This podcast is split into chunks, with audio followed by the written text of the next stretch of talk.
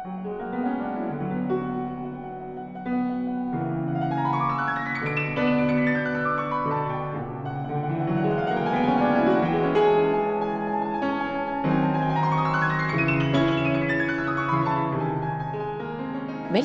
til Lyset på Nasjonalballetten. I denne forestillingen vil du oppleve stor ballett om intens kjærlighet, men også helt ny og moderne dans. Når Nasjonalballetten byr på noe av det beste de kan, betyr det klassisk ballett, danset til klassisk musikk, der kvinnene typisk danser på tåspissene. Men det betyr også nyskapt dans med et moderne uttrykk. Det er den blandingen Nasjonalballetten står for. De skal både ta vare på og fornye ballettarven. De har valgt seg ut ni verk og ballettutdrag og satt dem sammen i fem ulike kombinasjoner. Derfor kan det være at jeg snakker om verk her som du ikke ser på scenen akkurat den dagen du skal i operaen, men jeg håper likevel å gi deg et innblikk i forestillingen og en følelse av dansen du vil se. Jeg heter Maria Børja, og jeg skal introdusere deg for karakterer med navn som Julie og Romeo, Manot og Degrieux, Giselle Albrecht og Myrta. Disse karakterene gjør ting som påvirker andre karakterer, og som får andre ting til å skje. Men du vil også møte karakterer som ikke har navn, og ikke gjør noe spesielt. I moderne ballett er det ikke så vanlig med navngitte roller, og det er sjelden noen handling å følge. Resultatet er forhåpentlig en spennende miks for deg som publikummer. Det er ditt navn som er min fiende sier Julie i det berømte skuespillet Romeo og Julie. Det var William Shakespeare som skrev det på slutten av 1500-tallet. Stykket var populært allerede mens han levde sitt aktive liv som forfatter og teatermann i London. Og i løpet av de over 400 årene som har gått siden, har Romeo og Julie liksom vært selve fasiten på to elskende som ikke får hverandre. Romeo og Julie er to ungdommer som forelsker seg i hverandre, selv om familiene deres, Montague og Capulet, er fiender. Det kan ikke gå bra. Selvsagt skulle de to ønske at det var annerledes. La oss høre hva Julie sier. Det er ditt navn som er min fiende.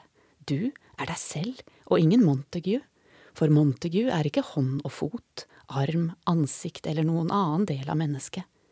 Og hva er et annet navn? Hva er et navn? Den blomst vi kaller rose, vil dufte liflig uten rosens navn.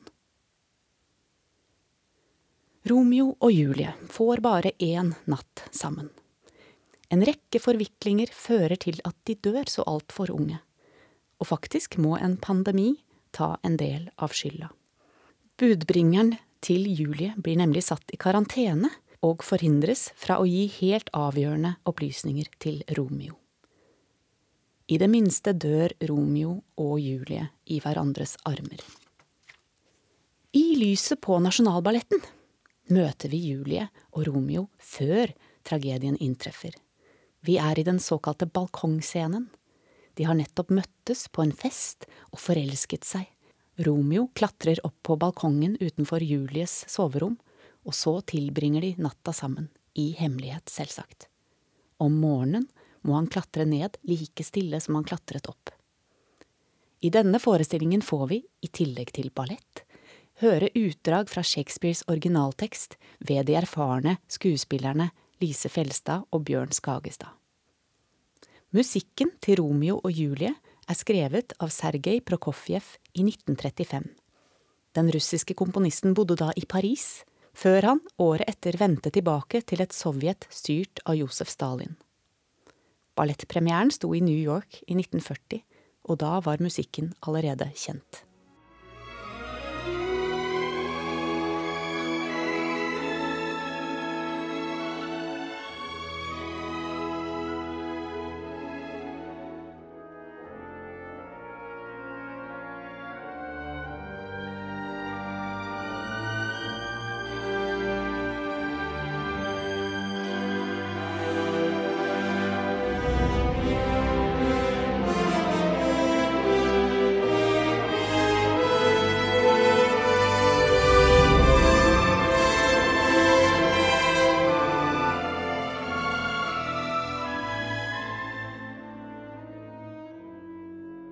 Som vi hørte her, veksler musikken effektivt fra dur til moll, fra velklang til dissonans.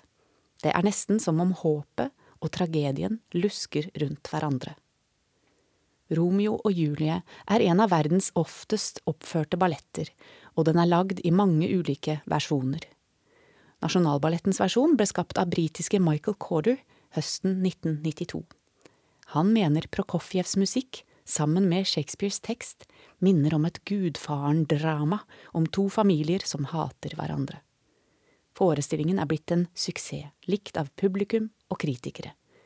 Det er sjelden ballett treffer så rett i sjelen, mente Aftenposten i 2011. Hva er det ved denne historien som griper oss sånn? Hvordan har Romeo og Julie blitt selve symbolet på sterk kjærlighet i vår kultur? Historien tilhører en lang tradisjon tragiske kjærlighetshistorier, som går tilbake til antikken, med Tristan og Isolde som det kanskje fremste eksempelet. Dette er historier som har satt spor i vår kultur.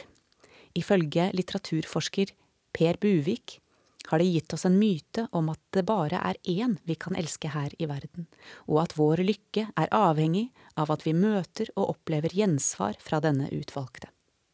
Selv i dagens samfunn hvor nær halvparten av alle inngåtte ekteskap ender med skilsmisse, ser vi ut til å tro på forestillingen om den eneste ene. Se bare på alle de romantiske filmene som lages, eller hør på alle poplåtene som på hver sin måte sier You're the only one. Også i balletten Giselle handler det om ekte kjærlighet, og om død. Ja, faktisk handler det om kjærlighet som er så sterk at den kan trosse døden.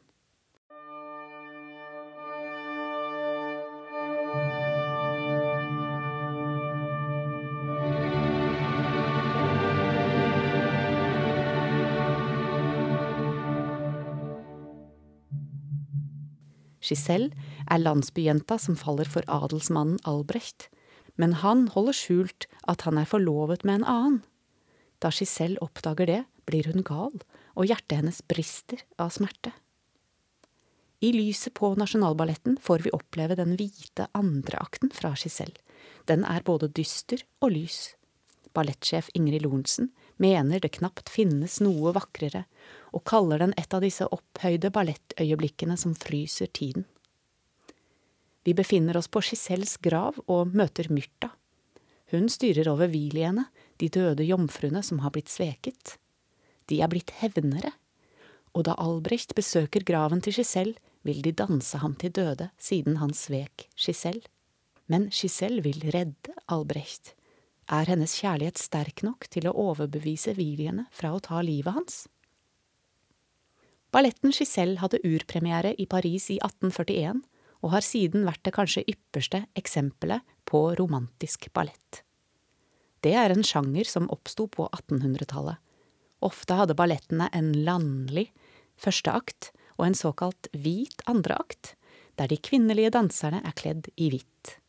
En romantisk ballett inneholder gjerne også galskap og overnaturlige elementer. Alt dette finner vi her.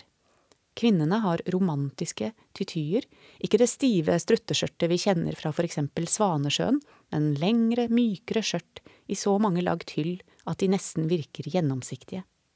Bevegelsene understreker det overnaturlige. Trippende på tåspiss kan kvinnene se ut som om de flyter bortover scenen, og når de løftes eller springer gjennom lufta, er det nesten så de overvinner tyngdekraften. Karakteren Giselle gjennomgår en enorm utvikling fra start til slutt.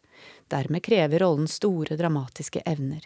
I høst er det solistene Grete Sofie Borud Nybakken, Maiko Nishino og Melissa Haug som skal gjøre den sarte, drømmeaktige, men fysisk krevende rollen. Giselle er idealrollen for en ballerina. Å synliggjøre sjel og ånd er ingen enkel jobb. Som vinden slutter hun aldri å bevege seg. Det sier tidligere prima ballerina Cynthia Harvey, som har iscenesatt Giselle for Nasjonalballetten. Selv om balletten er en gammel klassiker, mener Harvey at tematikken egentlig er veldig moderne, og noe som dagens mennesker vil kunne kjenne seg igjen i. Vi har alle opplevd å få hjertet vårt knust. Da er det som Giselle opplever det, man orker ikke stå opp og føler at man er i ferd med å bli gal, sier Harvey, som tror at så lenge det finnes mennesker, vil det finnes kjærlighetssorg. Umulig kjærlighet får vi også i Manot.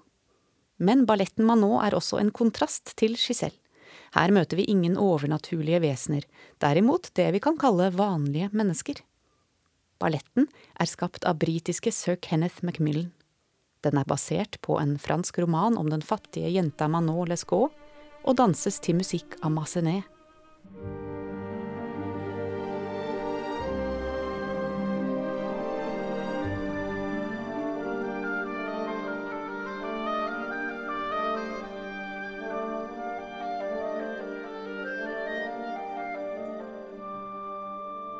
Manot skal bli nonne, men på vei til klosteret endrer broren hennes på planene. Han vil heller tjene penger på å selge henne til en eldre mann som har vist interesse. Trusselen om prostitusjon ligger altså som en skygge over Manot fra første scene. Hun møter studenten Desgrieux, og det er kjærlighet begge veier. Men de er blakke, og denne mangelen på penger får store konsekvenser.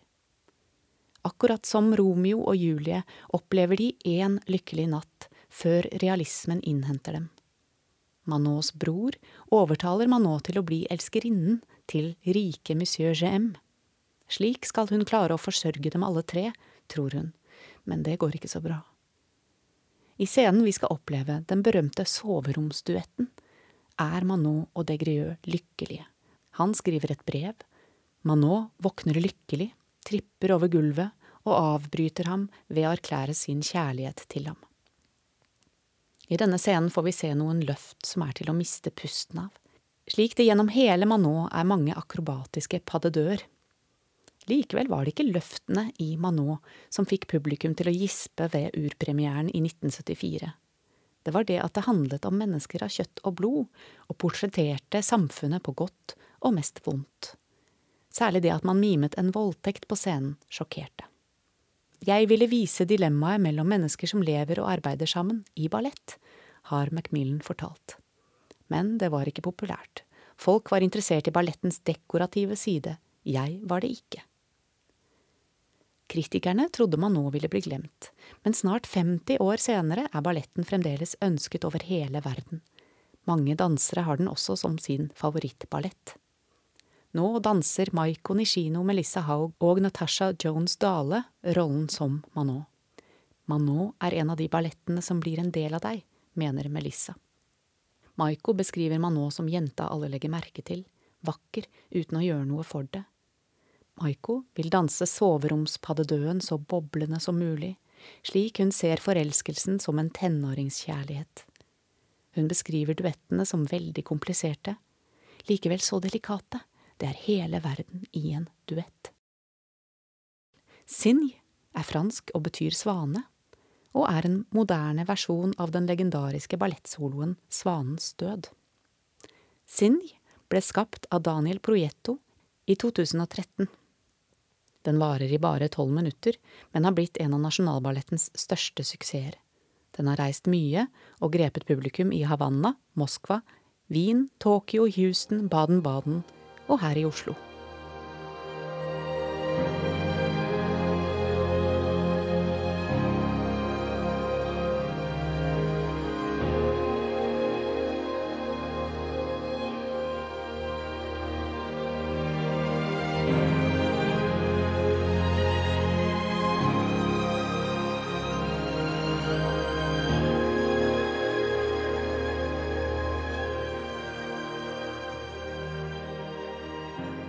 Daniel Proietto er kjent for mange fra scenen.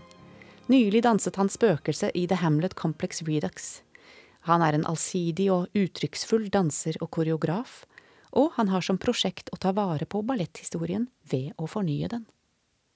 Svanens død ble skapt av Michel Fouquin for ballerinaen Anna Pavlova i 1905.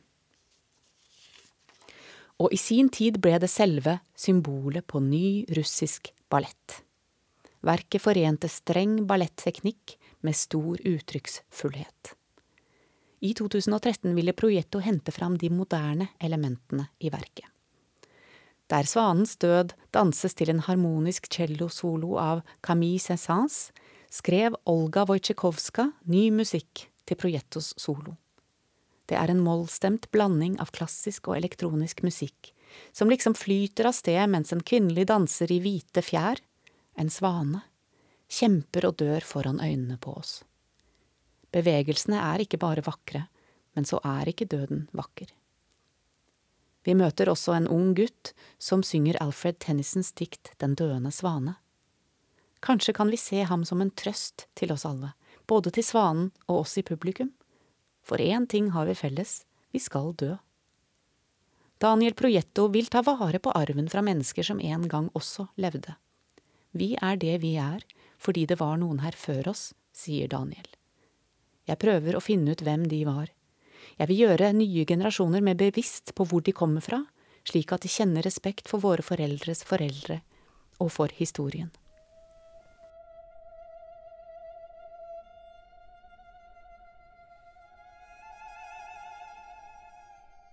Da Nasjonalballetten åpnet sesongen i august, mellom store trær på Linderud gård, mante de fram stemning fra 1800-tallet, århundret da det ble en hel tradisjon å skape ballett inspirert av skogens mytiske vesener.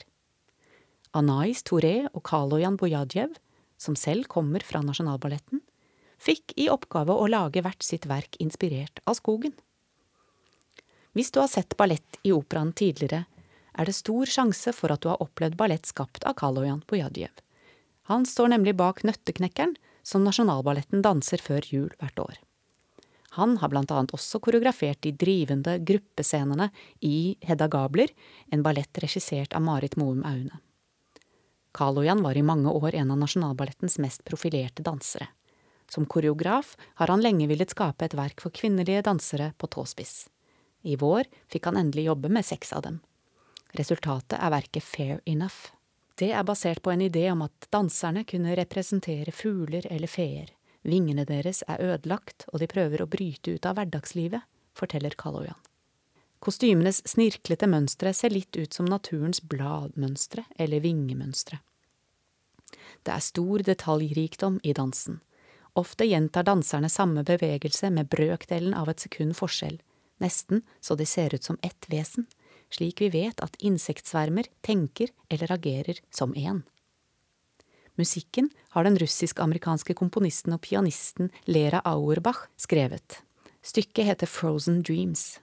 Kanskje du kan høre at det er inspirert av vinteren?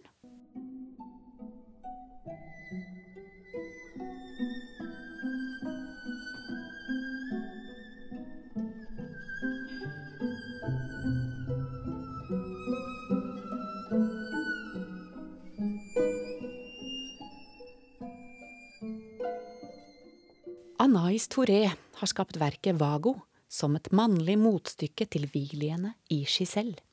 I Vago er det mennene som danser i hvite skjørt, og de er alt annet enn eteriske og gjennomsiktige. Likevel framstår de tidvis som én kropp, akkurat som Viliene. De er Giselle-spøkelsesåndenes krigerske storebrødre, mente NRKs kritiker i august. I dansen oppstår plutselige mønstre det er fristende å sammenligne dem med naturens systemer som kommer til syne like fort som de går i oppløsning. Anais Touré begynte som danser i Nasjonalballetten Ung for bare fire år siden. Nå er hun en del av hovedkompaniet og i ferd med å etablere seg som koreograf. Hun ønsket å skape et abstrakt verk, men inspirasjonen var konkret nok. Menn som lever av og med skogen, for eksempel stammer i Amazonas og lydbildet er japanske trommer som er blitt brukt til å skremme fienden i krig.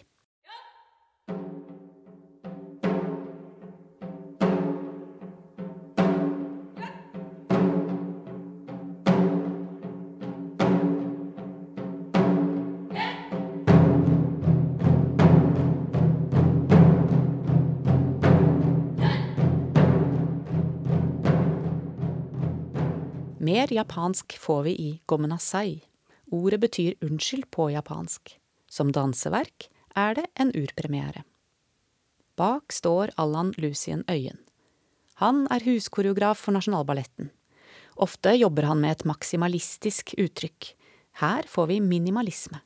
Bare to dansere på scenen, uten en eneste rekvisitt, og med bare én replikk, ordet gomenasai. Et stort og kraftfullt virkemiddel har vi likevel i musikken. Canto ostinato er et pianostykke av den nederlandske komponisten Simeon Tell Holt. Canto ostinato kan ordrett oversettes med sta sang, men i musikken er ostinato også en betegnelse på en stadig gjentatt musikalsk figur, for eksempel en melodi eller en bestemt rytme som gjentas mange ganger. Her blir en strofe gjentatt igjen og igjen, med ørsmå endringer.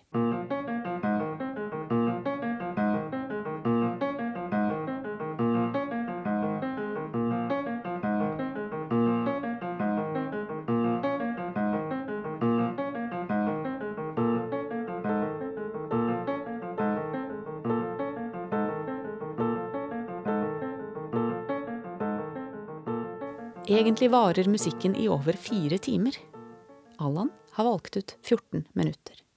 Til denne suggererende musikken danser to menn. Bevegelsene deres er insisterende. Det kan se ut som om den ene igjen og igjen prøver å få kontakt. Ofte avvises gesten, andre ganger utvikler den seg og blir til noe annet. Det er som om det stadfestes at evig repetisjon er umulig uten forandring. I stedet får vi en mutasjon og historien er full av mutasjoner. Uten dem ville vi faktisk ikke fantes. Disse repetisjonene er litt som virkeligheten, mener Allan Lucien Øyen. Gjennom livet gjentar vi de samme gjøremålene om og om igjen, uten at det tilsynelatende tar slutt. Inntil det en vakker dag ikke er mer, selvsagt. På scenen står de to solistene Gakuro Matsui og Daue Dekkers. Det kan nesten se maskinelt ut, det de gjør, noe industrielt, der mennesket kun er et tannhjul i et større maskineri. Likevel er det sårbarhet i møtet mellom de to. I det store rommet som omslutter dem, der de tilbyr, avviser og krever, er vi vitne til en var runddans av å gi og ta. Tosomhet møter vi også i det nesten like nye verket Islands, skapt av Emma Portner.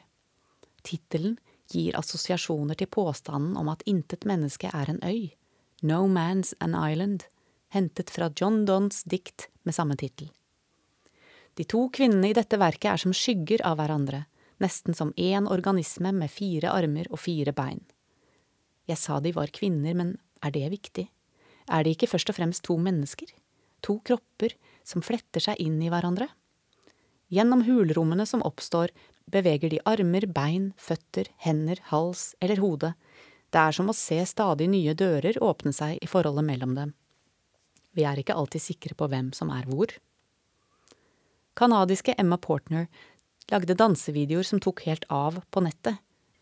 Portner vil utvide og åpne opp danseverdenen for nye publikummere, og hun har jobbet med stjerner som Justin Bieber og Blood Orange, for Netflix, Apple og Vogue men hun har også ønsket seg bort fra virakken, og i vår jobbet hun i ballettstudioene i Bjørvika med danserne Samantha Lynch og Whitney Jensen.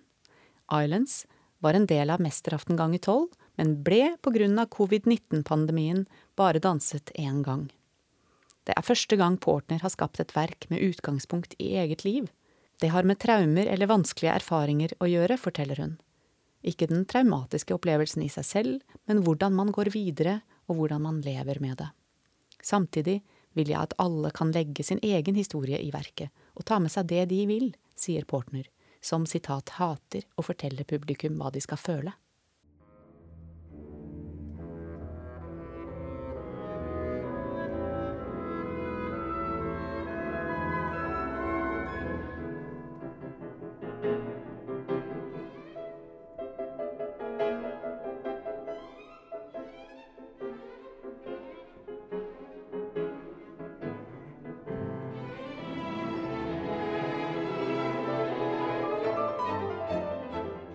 Det handler om tempo, timing og virtuose dansetrinn i mesterverket Allegro Briante av George Balanchine. Verket inneholder alt jeg vet om klassisk ballett på 13 minutter, skal Mr. B, som han også kaltes, selv ha sagt. George Balanchine var danser i St. Petersburg. I tillegg studerte han musikk og komposisjon. I 1924 var han på en europaturné som endret livet hans. Han valgte å ikke dra tilbake til det kommunistiske Sovjet, der Stalin overtok samme år. Balanchine ble i Paris og skapte ballett for kompaniet Ballet Russe, og fem år etter avhoppet overtok han også som leder. I 1934 flyttet han videre til USA, der han var med å stifte flere ballettkompanier, ikke minst New York City Ballet. Balanchine var ekstremt produktiv og skapte mer enn 400 verk. I sine balletter hyllet han kvinnen. Ballet is woman, sa han. Musikken var alltid utgangspunktet for koreografien han skapte. Jeg forbereder ikke trinn, jeg forbereder musikken, sa han. Og ikke minst, sa han, se musikken, hør dansen. Musikken skulle være slik komponisten skrev den, ingen skulle endre tempoet. Derfor måtte pianistene hans gå rundt med metronom. Allegro Briante ble skapt i 1957 til Tsjajkovskijs pianokonsert nummer tre. Fire kvinner og fire menn danser i ulike formasjoner, fire pluss fire eller fire ganger to. Bevegelsene er store og raske, kostymene lyseblå og tettsittende, og kvinnenes skjørt florlette. Så kommer en kvinne i rosa inn. Vi skjønner fort at det er hun som skal skinne. Dansespråket er klassisk, men løftene, sprangene, piruettene, arabeskene, alt skjer hyperraskt, og alt er supersymmetrisk. I Balanchins hjemland Sovjetunionen var det fortellende ballett som gjaldt. Selv brukte han ballettspråket for alt det var verdt, men valgte vekk dramaturgien. Kanskje så han på handlingen som en distraksjon for dansen. Men etter så mange handlingsdrevne balletter til stor og flott klassisk musikk, for eksempel Svanesjøen eller Nøtteknekkeren, som også danses til Tsjajkovskij, er det lett å lese handling og symbolikk inn i dansernes gester og bevegelser. Når kvinnen i rosa i Allegro Briante så tydelig er sentrum for alles oppmerksomhet, er det fort gjort å tillegge henne en form for heltinnerolle. Det er kanskje også lett å tolke de to i front som et kjærlighetspar. Balanchine vil at vi bare ser dansen, at vi ikke lar oss distrahere av ytre faktorer. Men hva vi gjør, det er jo vår sak. Vi kommer til forestillingen med hvert vårt sett erfaringer og tanker som gjør at vi ser den på hver vår måte, slik danserne også tolker rollene på hver sin måte. Det er en del av kunstens frihet. Heldigvis. Jeg håper dansen og musikken treffer deg der du er i ditt liv, og at du tolker den som du vil og har behov for riktig god opplevelse.